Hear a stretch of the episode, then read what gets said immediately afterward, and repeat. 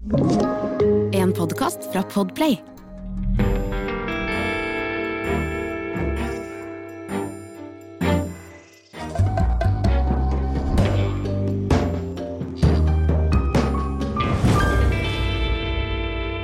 Nå er vi heldige.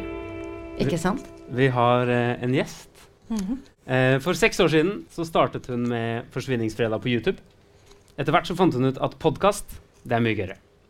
Over 100 episoder har det blitt. To år er gått. Og nå er hun Norges ukronede true crime-dronning. Hver fredag så serverer hun forsvinningsgåter til over 20 000 lyttere. Ta vel imot Sara Høydahl!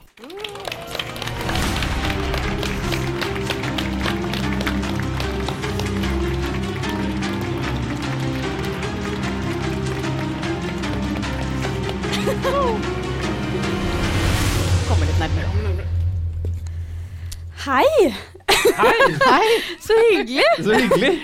Herregud, her var det mye folk. Så utrolig Ja. Er ikke jeg vant med, for å si det sånn. ja. Åssen åssen går det? Det går bra? Ja, Ja, vi har det moro. Syns du det var fint å høre på, da? absolutt. Herregud, han er jo helt sjuk i, i knollen. Han derre Candyman. Ja. Ja, ja. Jeg er glad jeg ikke kjenner meg igjen i noe av det han eh, har, å, har å by på, for å si det sånn. Kanskje litt om å bli rik, egentlig. Jeg tenker meg om. ja ikke sant? Mm. Vi alle vil jo egentlig det. Sånn Tror det. Innerst tror det. inne. Innerst inne. så vi blir rike alle sammen. Ja. Mm. Jeg har tatt med meg en uh, case her, jeg også. Og jeg Mm. er veldig Han syns jeg er hakket verre, kanskje, faktisk. Ja. For han um, Uh, har på en måte også spilt på den her frykten med at det skal være gift i halloween-godteri og, og, og sånne greier som det. Og det her er tilbake i 1973, og det var jo storhetstiden for at du skulle være gift i, i uh, uforsegla godteri og, og sånne ting. Så det her var jo noe som var veldig, veldig stort på den tida. Uh, men han, han tok jo utnytta det på en litt annen måte, kan du si. Eh, og lokalsamfunnet tok også veldig høyde for at det var en frykt som var, var i, eh, i nærmiljøet. Da. Og han, eh, eller nærmiljøet tok jo også mange forhåndsregler med, med det. Skal komme litt tilbake igjen til det. Men uh, ja, og min, min fyr, han heter The Halloween Killer. Er vi klare for å høre om han, eller? Mhm. Dette er ni år gamle Lisa Ann French. Og hun bodde på tidspunktet sammen med moren sin, Marianne, og stefaren Bruce, og også den nyfødte halvbroren sin. De bodde i et veldig trygt og rolig område, og levde også et liv uten noen særlige bekymringer. På høsten i 1973 nærmer det seg halloween i Fond du Lac i Wisconsin, som er der de bodde på tidspunktet.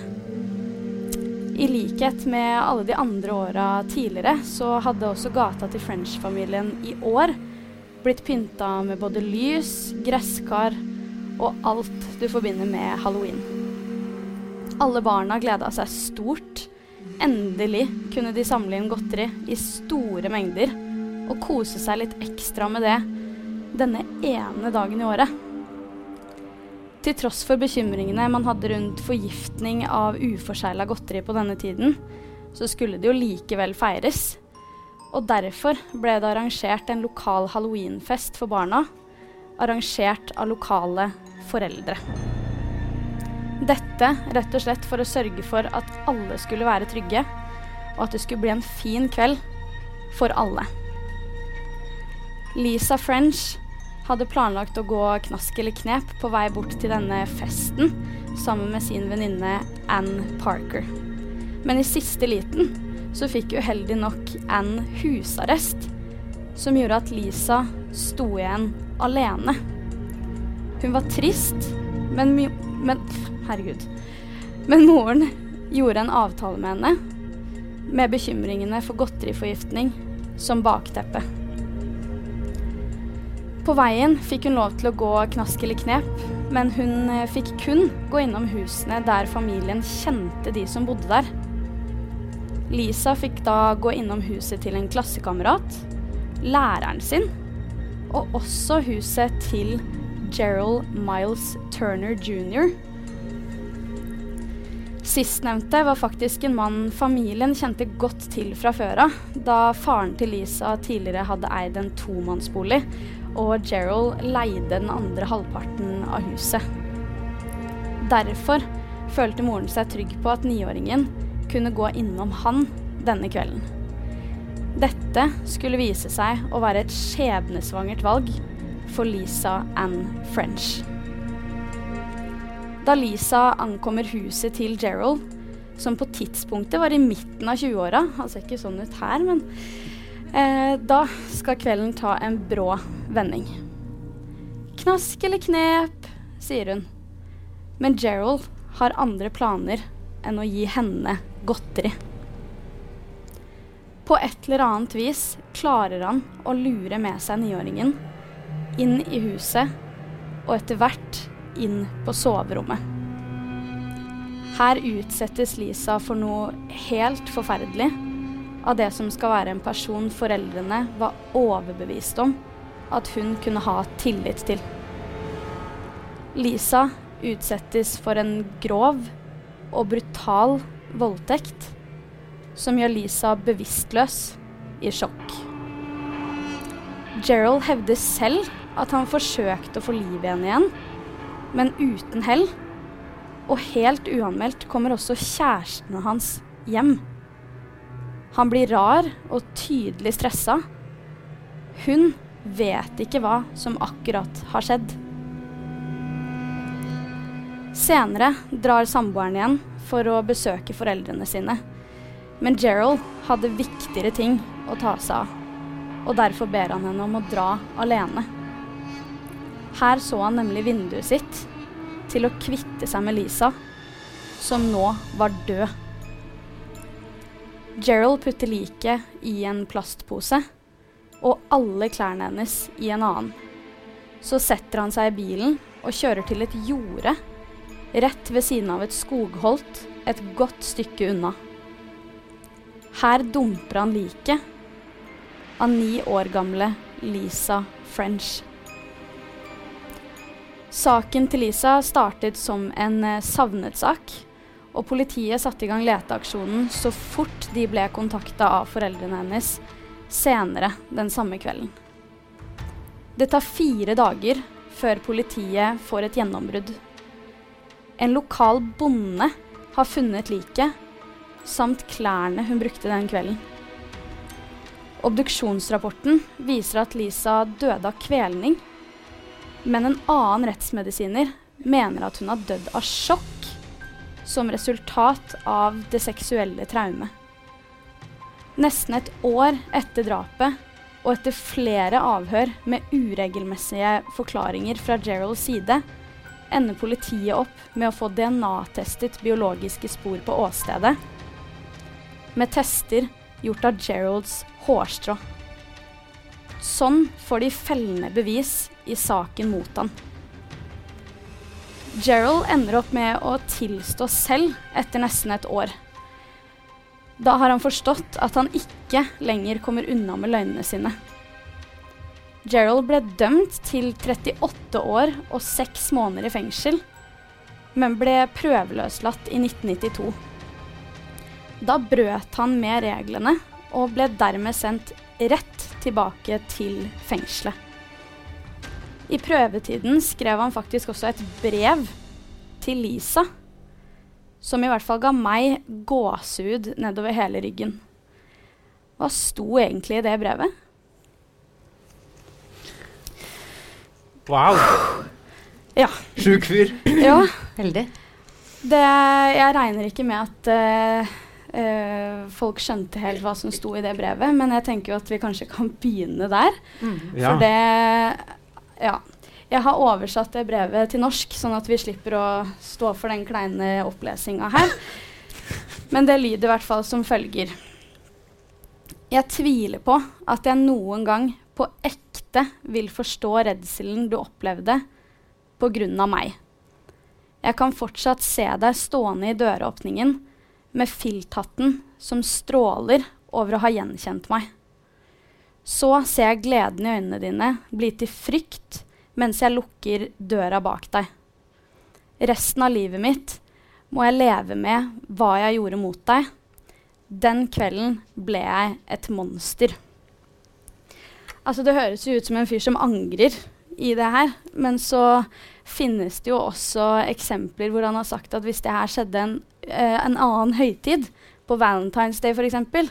Sjukt å bruke det eksempelet i utgangspunktet, egentlig.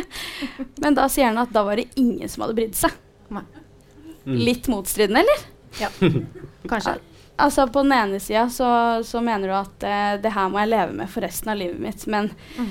oh, flaks for meg. Hvis det hadde vært en annen høytid, så hadde, Hadde jeg jo ikke blitt tatt. Mm.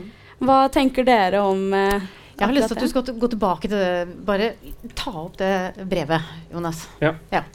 For her er det jo noe litt interessant, syns jeg. Fordi at eh, han, han skriver ehm, jeg, kan, jeg kan fortsatt se deg for meg eh, at du står i døråpningen med filthatten. Mm. Ikke sant? Eh, og hva er han gjør da? Jo, da forestiller han seg det som skjedde, og så nyter han det fortsatt, det synet. mm, Altså, han, og dette brevet skriver han jo lenge etterpå.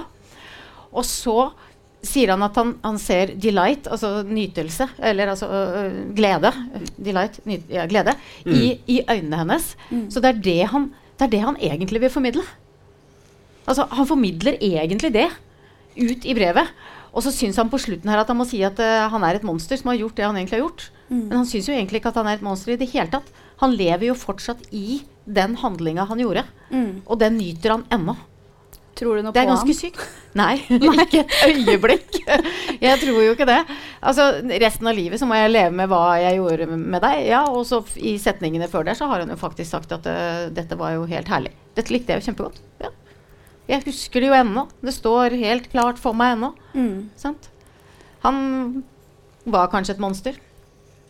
Ja. Ja, det vil jeg jo absolutt si at han var eh, på mange måter, egentlig. Mm. Eh, når det kommer til fortida hans, så var han jo faktisk tidligere også gift og hadde to barn. Mm. Som er ekkelt å tenke på i etterkant. Men eh, mm. han hadde jo også en ny kjæreste. Og eh, jeg leste også at i rettssaken hans så eh, var det flere kvinner som, fremst, eh, som sto frem med at denne mannen har forgrepet seg på meg også. Mhm. Eh, blant annet en 15-åring eh, som var barnevakt. Altså, hva kan på en måte fortida hans fortelle oss om han som menneske? Vi vet jo ikke så veldig mye om fortida hans heller, Nei. sammenligna med, med han uh, O'Brien. Ronald, ja. Ronald, ja. Eh, men altså, han har jo tydelig et mønster. Eh, det var jo flere som kom fram i rettssaken og sa at han hadde forgrepet seg på dem seksuelt. Så han har jo tydeligvis et mønster på seksuelle overgrep, i hvert fall. Selv om det, han ikke har blitt tatt for det tidligere. Mm. Uh, det virker jo ikke som han har drept før. Han drepte uh, Lisanne French. Det virker det ikke som. Uh, så kanskje vi skal tro litt på han. At han egentlig ikke mente å drepe henne, men at han mente å, å, å begå det seksuelle overgrepet. Mm. Eh, og at egentlig det var et uhell. eh, at hun bare ble så redd. Ja. Eh, I tillegg til det, så 15 år og, og ni, Var ikke Lisanne ni år? Mm. Ja. Så er jo dette barn. og når vi snakker om seksuell omgang med barn eller seksuelle handlinger gjort mot barn, så, så snakker vi jo om pedofil legning. Mm. Um, og pedofil legning handler jo om at du blir seksuelt opphisset av barn. Og så er det forskjellige grader i stadier i utviklinga uh, på de forskjellige. Um, men da har du jo ingen tanke om at det er galt å ha sex med et barn. Mm. Uh, og det er jo en for, for de fleste av oss så er jo det ganske vanskelig å tenke på. Mm. Uh, men han virka jo ikke som om han hadde noe trøbbel med det. Eh, for han står jo fortsatt og sier dette her. Jeg kommer litt bak til det igjen. Uh, han, står, han ser henne for seg i døråpningen. Det er et lite barn på ni år. Uh, jeg vil tenke kanskje at han blir seksuelt opphissa mens han skriver det brevet. Fordi at det var det han forestilte seg. Mm. Og det er jo ofte det seksualforbrytere gjør. De forestiller seg jo i etterkant, og så og får de seksuell utløsning av det. Mm. Så, så brevet sier ganske mye. Ja. Eh, hvis man begynner å ta det setning for setning, syns jeg. Så jeg syns du har helt rett i det at du syns at dette brevet det var, eh, noe å ta tak i. Absolutt. Mm. Eh, det som er interessant her, er at det er mange som mener at han ikke fikk en, eh, en rettferdig dom. For han fikk jo 38 år og seks måneder i fengsel. Em, og da er det mange som lurer på om han kanskje har løyet om intensjonen sin i selve drapshandlingen. For han mener jo eh, veldig at han ikke mente å gjøre det på noe som helst måte, og det var et uhell. Og han prøvde jo til og med å redde henne, uh, som han sier. Mm. Uh, kan det være noe i at han egentlig mente å gjøre det, men at han ikke ønska å innrømme det for å få mildere straff? For han Klart fikk det. jo ikke dødsstraff eller noen ting. Klart det. Mm. Ja. Altså, eh, stort sett de fleste som sitter på tiltalebenken for alvorlige kriminelle handlinger, ønsker seg jo så lite straff som mulig. Mm. Ja. Så det er klart at de prøver å både ljuge seg ut av det og komme seg ut av det på andre måter. Ja, det tenker jeg. Mm. Uh, og at han er ikke noe annerledes enn en andre eh, forbrytere, han. Mm. Så lite som mulig, og helst ikke dødsstraff. Og gjerne ut av fengselet igjen, for han har jo ikke lyst til å være der for resten av livet. Nei. Uh, I Norge så har vi jo ikke eh, livstidsstraff utenom forvaringsdommer. Da. Mm. Uh, da kan du jo ende opp bak murene eh, for resten av livet. Mm. Men i USA så har de jo faktisk livstidsstraff, og da må du jo være der til du dør. Mm. Men han fikk jo 38 år, så han fikk jo muligheten til å komme ut igjen. 38, Han var var midten av 20-åra, så han ville jo vært da en mann i 60-åra når han kom ut. da, Så da har man jo faktisk litt liv igjen, da. Mm. Så ja, klart han ville prøve å oppnå å få så lite som mulig. Absolutt. Mm, tenker jeg. Han ble prøveløslatt to ganger også. Eh, og jeg nevnte jo at Mm. han eh, eh, ble prøveløslatt i 92, eh, men at han brøt med reglene. Og det jeg syns er veldig interessant der, er jo hvorfor. Eh, eller hvordan han brøt de reglene der. Mm. Eh, for det var rett og slett at de hadde funnet eh, ganske grov pornografi på PC-en hans. Mm. Så det kan jo kanskje si noe om hva slags eh, type menneske han er, da. Altså i forhold til at han ikke engang da, etter å ha fått en straff, klarer å på en måte gi seg med Men det sier vel kanskje noe om uh, den eh, legningen, eller kan være avhengighet til pornografi. Men i Mm. utgangspunktet så tenker jeg det handler om at vi har å gjøre med en person som eh, kanskje er pedofil. Mm. Uh, og det vet vi jo. Uh, behandling er fryktelig vanskelig. Uh, eller tilnærma ikke mulig å oppnå. Eh, altså, du, du får ikke behandlet det bort. Uh, man kan kanskje lære seg at man skal ikke gjøre det. Mm. Uh, men, men du får ikke behandlet bort den driften eller det ønsket om da å ha en seksuell handling eller nytelse med barn, da, eller de som er da yngre enn voksne. Mm. Så det, vi vet jo ikke helt sikkert at det var, om det var barnepornografi som ble funnet på den PC-en hans, men i mitt hode så er jo det ganske logisk, og det er jo et veldig velkjent fenomen for meg. Mm. Jeg har jo sittet i rettssaker med hvor de er tatt for gjentagende handlinger. De har sona for det samme før, kommet ut igjen, og det er akkurat det samme en gang til. Mm. Ja, Jonas. Men jeg lurer på eh, Hvorfor tror du han velger en han eh, kjenner? Fordi de har jo et forhold, de familiene Mm. her. ikke sant? Det syns jeg er rart. Det er halloween, det må jo være hundrevis av barn som banker på døra hans. Det tror jeg ikke han tenkte noe særlig på i det hele tatt. Du tror ikke det? Nei, det tror jeg ikke. Tror du det var tilfeldig at det var henne? Ja, det tror jeg kanskje var tilfeldig. Han visste jo ikke at hun skulle komme. Eller i hvert fall så vet vi jo ikke noe om det. Eh, og at han kanskje hadde planlagt å ta en eller annen uh, jente den kvelden, da. Eh, Og så ble det en impulsiv handling når hun kom. Og så var hun alene. Og det er jo også et poeng med dette med trick and treating. De skulle jo helst ikke gå alene. De skulle gå i gruppe, sånn at de også ble, var beskytta. Men hun gikk jo alene, og da så jo han sitt snitt å gjøre det. Ja. Hvorfor, hvorfor, var han hjemme, hvorfor ble han igjen hjemme, da? Men- men ikke, hvorfor dro han ikke på fest med kjæresten sin? Han hadde jo mest sannsynlig planlagt at dette her skal jeg prøve å få til i løpet av kvelden. Og så hadde han gått rundt i leiligheten sin i morgenkåpa si og blitt opphissa ved tanken på det. Og så sto hun der med filthatten sin. Hørte ikke bra ut, da? Men fordi Nå sa du både at han hadde tenkt til det, men at det er impulsivt når det skjer. Ja, for det, det kunne jo vært en annen, uh, og han ville latt være, f.eks. Ja. Eller at det plutselig sto tre der. Da ville han ikke gjøre det. Men når hun da plutselig sto der alene, så bare gjør han det. Mm. Ikke sant? Så da er det på en måte en um- impulsiv handling der og da, selv om man har tenkt tanken at dette ønsker jeg å gjøre. Ja. Veldig, ja. Det som er også en interessant eh, faktor her, er jo at den saken har resultert i en egen lov. Mm. Eh, som jeg syns jo egentlig det er litt sykt at den loven ikke fantes fra før av i det hele tatt. For det var i 1994. Eh, så Må lese litt her, sorry. Eh, ja, så endte det jo med at de lagde en lov som het Turners law. Eh, til og med navnet hans skal inn der. Eh, hvor kriminelle eh, kan eh, bli sendt på psykiatrisk avdeling etter å ha blitt prøveløslatt eller løslatt. Eh, hvilke tanker har du om det? Eller dere, egentlig. Det er veldig interessant å høre begge. Rundt det med at de oppretta en lov som resultat av det. Eh, ikke noe vi kanskje gjør i Norge. Nei. Nei. Eh, og så tror jeg det er en lokallov som er lokal for, eh, for uh, Wisconsin. Eh, og, og det er jo for å beskytte samfunnet, tenker jeg, for uh, gjentagende handlinger. Og vi har jo også en, en lov i Norge som Uh, når vi setter folk i fengsel og gir dem f.eks. For forvaring, så har vi uh, samfunnsbeskyttelse som den øverste på en måte punktet. At vi skal beskytte samfunnet for denne personen. Uh, at den skal gå ut og gjøre det samme en gang til. Sånn at jeg tenker at Law er noe av det samme. Uh, at de da ønska å uh, De hadde ikke noe lov som sa at hva, hva skal vi gjøre med disse menneskene? Jo, vi, vi må finne en eller annen måte å kunne sette de inn igjen, sånn at ikke de fortsetter å gjøre disse handlingene. Mm. Ikke sant? Og da, da ble det den loven. Mm. Og det er jo forferdelig synd at det er en sånn handling som, eh, som skal til. Da. Um, og så er det jo noe med at når de etter hvert, eh, som forskning også etter hvert kommer litt på banen, og, og man vet at eh, behandling eh, av eh, personer som har eh, pedofil legning, faktisk ikke er så veldig lett å få til, og vet at det er veldig, veldig stor gjentagelsesfare. Mm. Eh, jeg tror ikke det hjelper så veldig med psykiatrisk avdeling, da. Eh, det tror jeg ikke.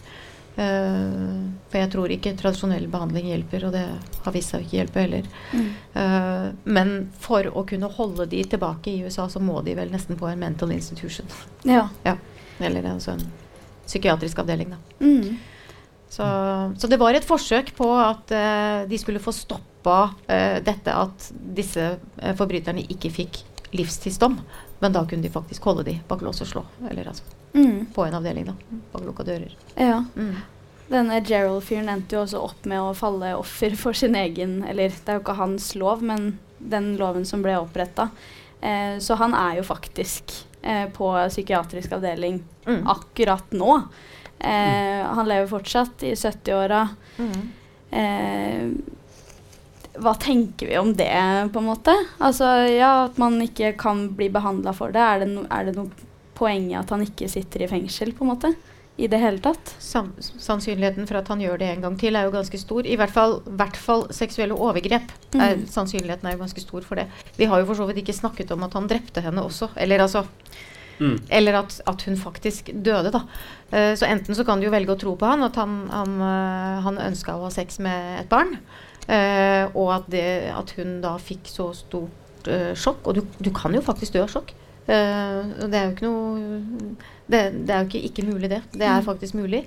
Eh, og at hun da faktisk har dødd, og han ble redd og visste ikke hva han skulle gjøre, og faktisk bare putta henne i en pose, noe som er ganske grotesk, og kjørte henne av gårde. Mm. Så det kan jo være at han snakker sant. Eh, sånn at å, å beskytte omverdenen for en, en drapsmann er kanskje ikke det viktigste her. Det er vel heller den seksuelle uh, handlingen som han gjorde mot et barn, som, uh, som samfunnet må beskyttes for. Mm. Uh, for sannsynligheten som sagt for at han gjør det igjen, er ganske stor. Mm. Mm. Kan alle bli som han? Nei, alle blir jo ikke som han. Alle er ikke som han. Men hva er, hva er på en måte årsaken? Men vi kan jo alle bli drapsmenn på et eller annet eh, tidspunkt på en eller annen, uheldig, en eller annen uheldighet, kanskje. Mm. Kanskje noen av dere som ville være helt uenig med meg når jeg sier det. Uh, men vi kan jo være uheldige, og noe kan skje. Eh, så hvis vi skal ta det til inntekt, altså var han uheldig, og det skjedde, og han ble både drapsmann og eh, voldtektsmann. Mm. Jeg tror jo at denne mannen har eh, rimelig lite empati for andre mennesker, sånn som vi snakka om med han, eh, han andre her. Eh, og litt også fordi at det brevet sier så mye om hva han egentlig tenker og forestiller seg, tenker jeg. Så eh, han ville jo ha gjort det igjen. Eh, tenker jeg. Mm. Absolutt.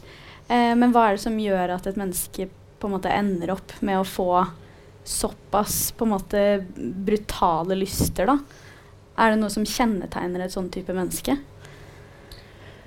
Eh, hva skal du si, Jonas? Jeg, jeg, fordi i hvert fall de vi, de vi har jo sett på liksom, til nå, det er jo veldig ofte enten eh, vold eller seksualitet tidlig i deres oppvekst også. Mm.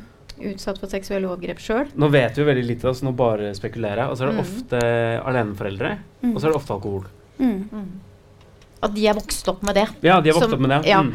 Men det er faktisk ikke Det, det er ikke så veldig klassisk når det gjelder eh, eh, seksualforbrytere som, eh, som forgriper seg på barn. Altså.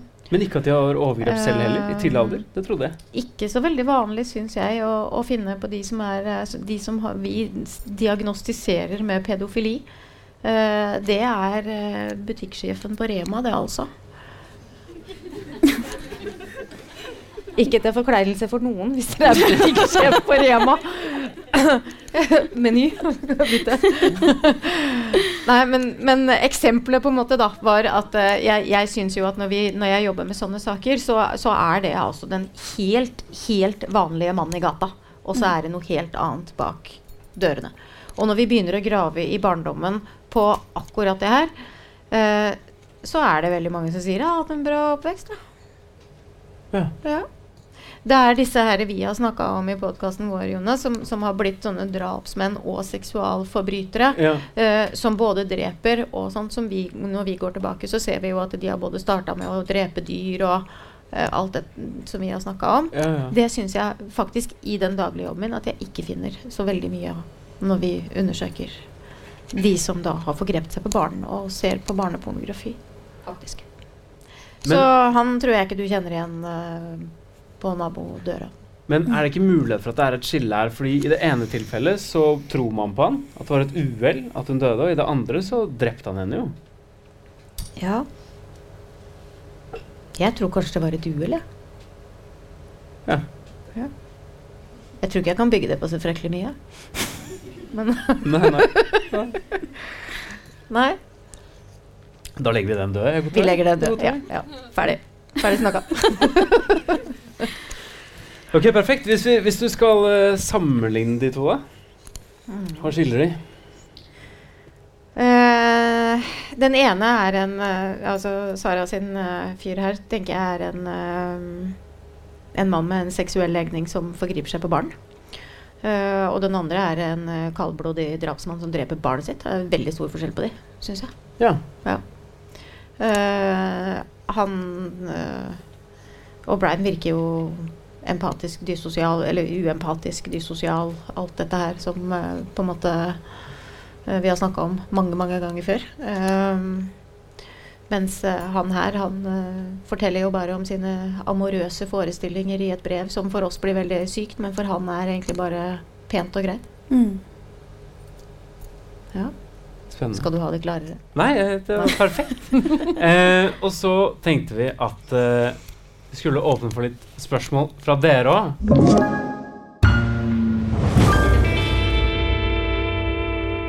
Susanne er jo rettspsykolog og står til tjeneste. Hvis dere, hvis Noen som dere, trenger hjelp? Nei. hvis dere har noen spørsmål til sakene her, eller, eh, eller hva som helst Virkelig. Bare å åpne ser ingen hender. Skal jeg, jeg kan begynne. Ja. jeg- har mange spørsmål. Jeg har Ja. mange spørsmål. Bare for å varme opp uh, gjengen. Vi kan begynne med siste caset. Det at han eh, Jeg syns han virker litt dum også, på en eller annen måte. Fordi han eh, Slutt å snakke om at folk er dumme. Det er fordi vi har Jeg har prøvd å lære barna mine fra de var små at man skal ikke si at andre er dumme. Nei, det er veldig slemt. Ja, det er fordi vi har ikke noen måte, annen måte å diagnostisere på. Men, eh, eller jeg, da. Poenget mitt nå var egentlig bare det at han eh, lemper liket eh, på, en, eh, på et jorde. Og ikke prøver noe mer enn det på å bli kvitt det, og skjule spor. Sier det noe om uh, intensjon, eller Eller at han var var redd. planlagt. Eller at han faktisk var redd. Ja, hva, hva sier det, da? Ja, altså Jeg tenker jo at han faktisk var redd, for da kommer vi jo tilbake til litt det jeg svarte deg på. At han faktisk egentlig ikke hadde tenkt å drepe henne. Uh, at han hadde tenkt å forgripe seg på henne seksuelt. Og så dør hun. Uh, og så får han panikk, rett og slett. Eh, og så gjør han da bare det beste han kan ut av den situasjonen. Det er å putte henne i en plastikkpose og så dumpe henne noen mil unna. Dum, altså.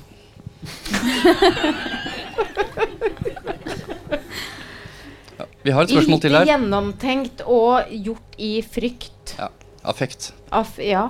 I frykt og affekt, ja. Mm. Vi har et spørsmål til her. Hei. Men altså, hvis han ikke hadde tenkt til å drepe henne, hva hadde han tenkt å gjøre etter at han hadde forgrepet seg på henne, da? Fordi, ok, sende henne hjem, da, og satse på at hun ikke sa noe, liksom? Mm. Mest sannsynlig. Det var vel det han gjorde med den eh, barnevakta på 15 år òg, som eh, kom fram uh, etter hvert. Mm. Uh, og det er jo eh, veldig mange som begår eh, overgrep mot barn og, og som truer med et eller annet i etterkant. Eh, og sier at hvis du, hvis du sier dette her, så kommer jeg til å drepe deg, f.eks. Uh, sånn at de blir ofte utsatt for trusler. Uh, eller at han eh, eh, Hva heter det på norsk, da? Eh, gir henne penger, betaler henne for, eh, for, for handlingen. ikke sant? Se her, nå skal du få masse penger for meg, og hvis du har lyst til å komme tilbake til meg neste uke, så kan vi gjøre akkurat det samme, og du skal få mer penger. Eh, og det er jo noen som gjør det. Eh, og og de, da, de tør jo da ikke å si det hjemme. Så det er sånn de kommer seg unna med det. Inntil noen tør å si noe. Så jeg vet ikke om det var godt nok svar, men eh, det var nå i hvert fall et forsøk på et svar. Ja, men vi må få det med å skjønne. Kom hit. Vi har et spørsmål til litt langt borte. Vi har ikke lang nok kabel. Tror jeg. Skal vi se. Jeg, må se, jeg ser Ja, det er veldig bra. Takk skal du ha. Det faktisk to spørsmål. Eh, vi kan begynne der vi er nå. Eh, først så er det jo eh, Dere var litt inne på at han Eller at du Susann tror at det var tilfeldig at han akkurat drepte henne. Men så ble det også nevnt der denne barnevakten som han også kjente, da. Så er du fortsatt veldig sånn skråsikker på at det var et tilfeldig offer, eller tror du det var liksom At han ofte voldtok de kanskje han kjente? da Vi har ikke hørt så mye om de andre ofrene, men Det Ja. kan godt hende. Det kan jo hende eh, at det var de som var eh, Altså de som er tilgjengelig for ham. Som er i den kretsen som han uh, har rundt seg, kanskje. Uh, og at hun da var en person som kjente han, som med større sannsynlighet kanskje ville gå inn døra han så. Ja, nei, Så du har jo kanskje litt rett i det. Mm. Og så lurte jeg litt på uh, Han dere snakket om nå, jo, hadde jo åpenbart barn. Og han dere snakket om først, hadde også et annet barn. Eh, vet dere hvordan liksom, forhold disse hadde til deres egne unger? Altså Han første drepte jo barnet sitt, men det virker som han egentlig hadde ganske bra relasjon med dem. Men har dere funnet noe research på det? Ja, eh, det var faktisk eh, Jeg leste at eh, han ble beskrevet som en over middels god far. Eh, faktisk. Eh, men eh, ikke så veldig overraskende så mistet han jo all kontakt med datteren sin etterpå, da. Han prøvde tross alt å drepe henne. Men eh, hun hadde visstnok vurdert å besøke han før han fikk eh, lethal injection, men så, så bestemte moren at hun ikke fikk lov. Rett og slett. Mm. Ja. Og med, med min fyr, holdt jeg på å si, så eh, Ja. Med han, da, så eh, er det veldig lite info ute om det, egentlig. Eh, det bare nevnes at han var skilt og hadde to barn. Eh, men det er jo da Man må nesten bare anta at det er fra hans tidligere forhold, da. Eh, og så hadde de jo eh, et barn i det forholdet han var i eh, når det her skjedde, som hun eh, kjæresten hadde tatt med seg på en, eh, den halloweenfesten som Lisa egentlig skulle på. Det var god stemning med noe musikk i salen her nå. Men ja, det, jeg håper det var godt nok svar. Ja, er det flere hender her? Jeg, kan, jeg, kan ta et, jeg har et spørsmål til. Jeg ser det er en hånd der. Hvor? Her, ja. Det er deg. Mira, vær så god. Hva kan vi gjøre for å unngå disse menneskene? Avsløre de? Er det noe vi kan se etter, liksom? N noe. Gi oss, Noe. bare gi oss noe. Gi et håp. Ja, det er jo det vi prøver å gjøre på slutten av podkasten vår hver eneste gang. Da. Det er eh, Kan du kjenne igjen dette her på, på, hos naboen din? Og vi kommer jo stort sett til den konklusjonen at det eh, Det er jo som jeg sier, det er en vanlig mann i gata som regel. Uh, med unntak av de som, uh, som begår en del uh, synlig vold og sånn, da. De, de kan vi jo ofte se. Eh, men de som forgriper seg på den måten her, det, hvis vi snakker om eh, Sara sin, så så veit jeg egentlig ikke. Jeg syns eh, i jobben min så er det helt forskjellige mennesker fra forskjellige samfunnslag. Noen er svært høyt utdanna, noen har lite utdanning. Uh, noen har jobba seg opp til, til den jobben de er, noen har fått en grad Nei, det Noen er gift og har uh, flere barn. Noen er single. Så jeg vet ikke helt hva jeg skulle sett etter sånn sett. Rett og slett. Mm. Hei. Hei. Hei! det var en stemme vi kjente. Ja, hei. Jeg lurer på sånn, Hvordan står det til med samvittigheten til disse mennene? Eller sånn, Angrer de, grubler de, overtenker de? Spør for en venn. Så er de, Ingen, de sånn ingen grubling, ingen overtenking, skal vi kalle det. Nei, jeg tenker jo at Et element i dette her med en empatiforstyrrelse er jo at det er svært lite anger. Uh, og bare de, dette brevet til, til han her eh, siste fyren her, det, det sier jo litt at det, han angrer jo han, han sier at han angrer, men med de andre orda som jeg trakk fram, så angrer han jo ikke i det hele tatt. Så han sitter jo og tenker på dette her som en, en flott ting ennå. Så Men- for meg så er det ikke Men follow up til det, er det ikke sånn at veldig mange pedofile sliter veldig mye med, med de tankene de har om barn? Eh, ikke så veldig mange av de jeg har møtt. Nei. For å si det sånn. De, de, de sier at de sliter med det fordi at eh, de, det er det de vil at jeg skal høre. Ja. Ja. Og de sier at de har lyst til å ta imot behandling fordi at eh, det veit de er det riktige å si. Men uh, Ja. det strekker ikke noe lenger enn det, tror jeg. Rett og slett. Høres ganske fælt ut, dere. ja, det gjorde det. det. hørtes fælt ut. Men eh, litt ref det. Eh, hva er oddsen for at en pedofil forgriper seg på et barn? Hva er Oddsen for at en med pedofili, liksom. Altså, hvor ofte Det er den er jo, den er jo ganske stor. Altså de, de seksuelle lystene er jo det samme som de seksuelle lystene du har til eventuelt mann eller uh, kjæreste. Eller, og hvor ofte har du lyst på sex? Ja. Så ofte har også en pedofil lyst på sex med barn. Så dette her er jo en seksuell drift. Ok, nå er det koselig her. Veldig koselig. Kjempekoselig. Jeg har et uh, spørsmål som kanskje gjør det enda dystrere. Uh, vi har, eh, dere har snakket om to caser, begge to er i USA. Uh, men om bare noen dager så er det jo halloween også her i Norge. Norske barn skal gå fra dør til dør. Jeg må komme dit. Eh, Susanne, du som har møter mange caser i din jobb. Er det trygt å sende barna sine på knask eller knep?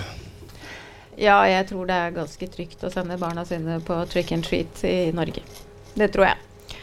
Uh, men altså, vi, det fins jo ingen eh, garanti for at ikke det er en eller annen eh, gærning der ute. Vi har jo svært lite historie i Norge på at uh, noen barn har eh, blitt utsatt for noe i en sånn sammenheng. Nå er jo halloween veldig ung i Norge.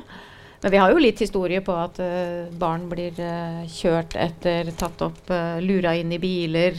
Så det er klart at vi, vi, har, vi, vi vil jo ha den uh, redselen her i Norge òg, men Uh, eh, nå er jeg litt sånn over gjennomsnittet glad i halloween, da. Uh, så, så selv om uh, ungene mine har flytta hjemmefra, sånn, så har jeg jo eh, stort sett godteri og, og sånn på døra. Eh, det er sant, det. Jeg syns det er veldig fint når de kommer, så skjønner dere små ungene som kler seg ut. Og jeg tror uten unntak de har med seg mammaen sin eller pappaen sin, faktisk. Det er alltid en voksen med. Sånn at jeg tror jo vi tenker over det her i Norge også. At det kanskje ikke er så sikkert lenger. Uh, men uh, sannsynligheten for at noe kan skje når du er ute og banker på en ukjent dør, den er jo der, den. Men om den er 90 eller 40 eller 60, det skal jeg ikke lede meg ut på å si. Hei, jeg, eh, jeg bare tenkte at For han kvitter seg jo med kroppen hennes. Kan du snakke litt grann høyere? Ja. Ja. Han eh, kvitter seg jo med kroppen hennes etter å ha drept henne. Så man da kan si om det er gjennomtenkt, eller at det heller er en sånn oh shit for å bli tatt. Det kommer jo litt an på hvordan du tolker den situasjonen. Altså, hvis vi tolker det til at han hadde planlagt å begå en seksuell handling og så drepe henne, så har han jo også planlagt å kvitte seg med henne. Uh, på et vis, da. Men hvis, uh, hvis han uh, ikke hadde planlagt å drepe henne, så blir det jo en sånn type oh shit-handling. Hva gjør jeg nå?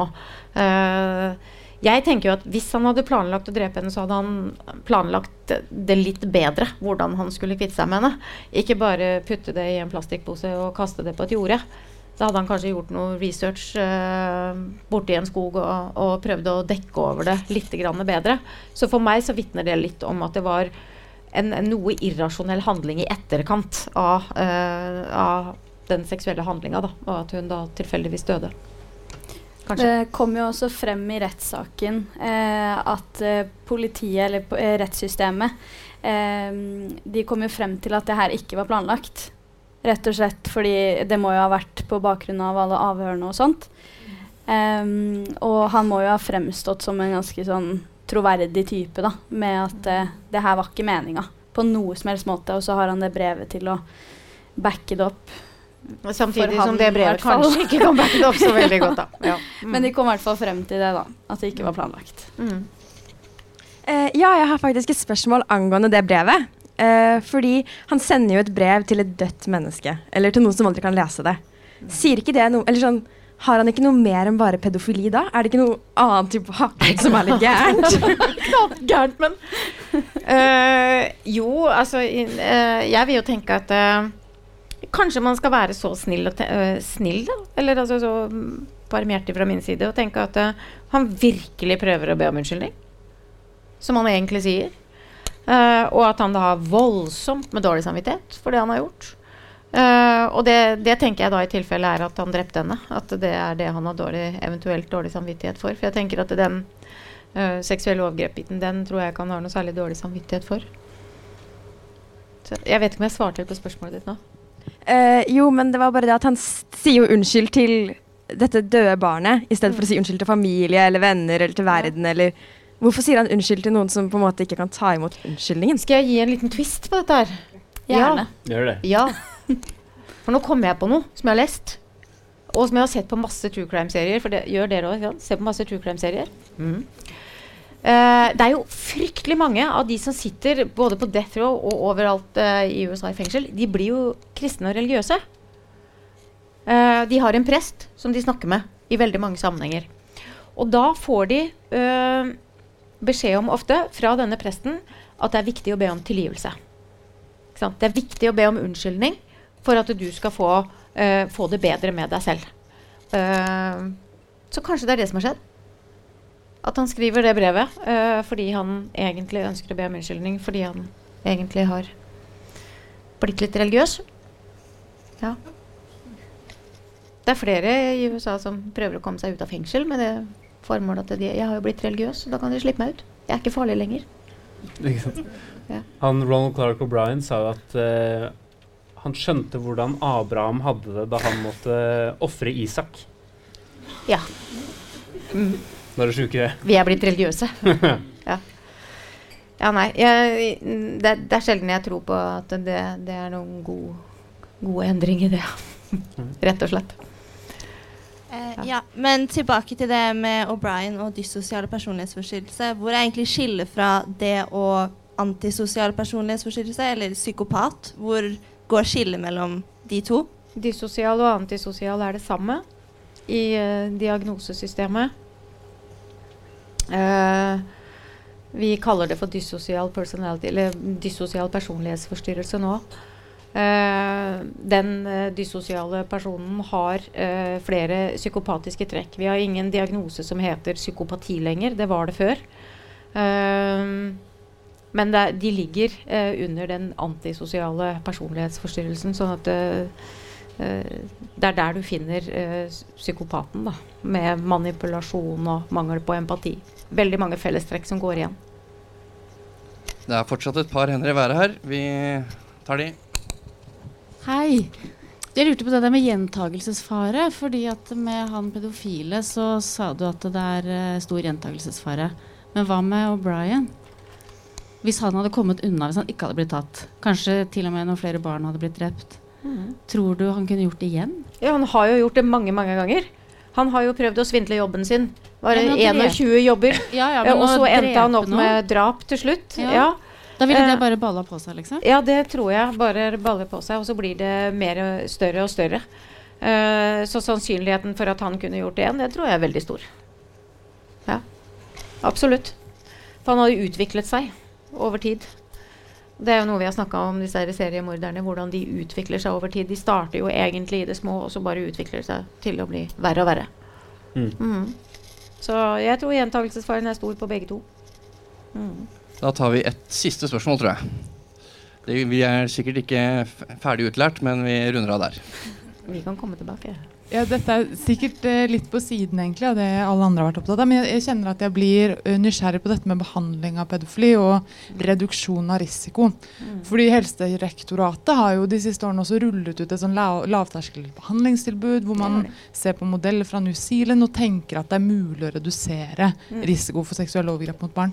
Så jeg bare tenker at det også hører hjemme her, da, at man forsker på det og at man ser i hvert fall til dels resultater.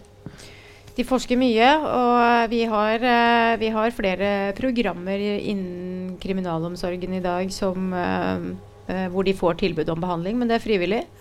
Og det er ikke alle som, som takker ja til det heller.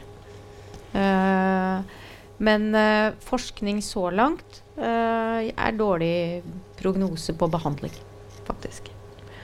Så det er et uh, stykke å gå å prøve å finne noe som uh, kan gjøre at vi kan få behandlet de med den type seksuell legning eller forstyrrelse. Litt avhengig av hva vi kaller det for noe. Mm. Ok. Eh, tusen, tusen takk for at dere kom. Eh, Sara, tusen takk for at du ble henge med oss. Jo, i like måte, holdt jeg på å si. Tusen takk for at jeg fikk komme og være her og prate med dere. Eh, Vi har kosa oss. Veldig. Ja, det håper jeg dere har gjort òg. Ja. Mm. Du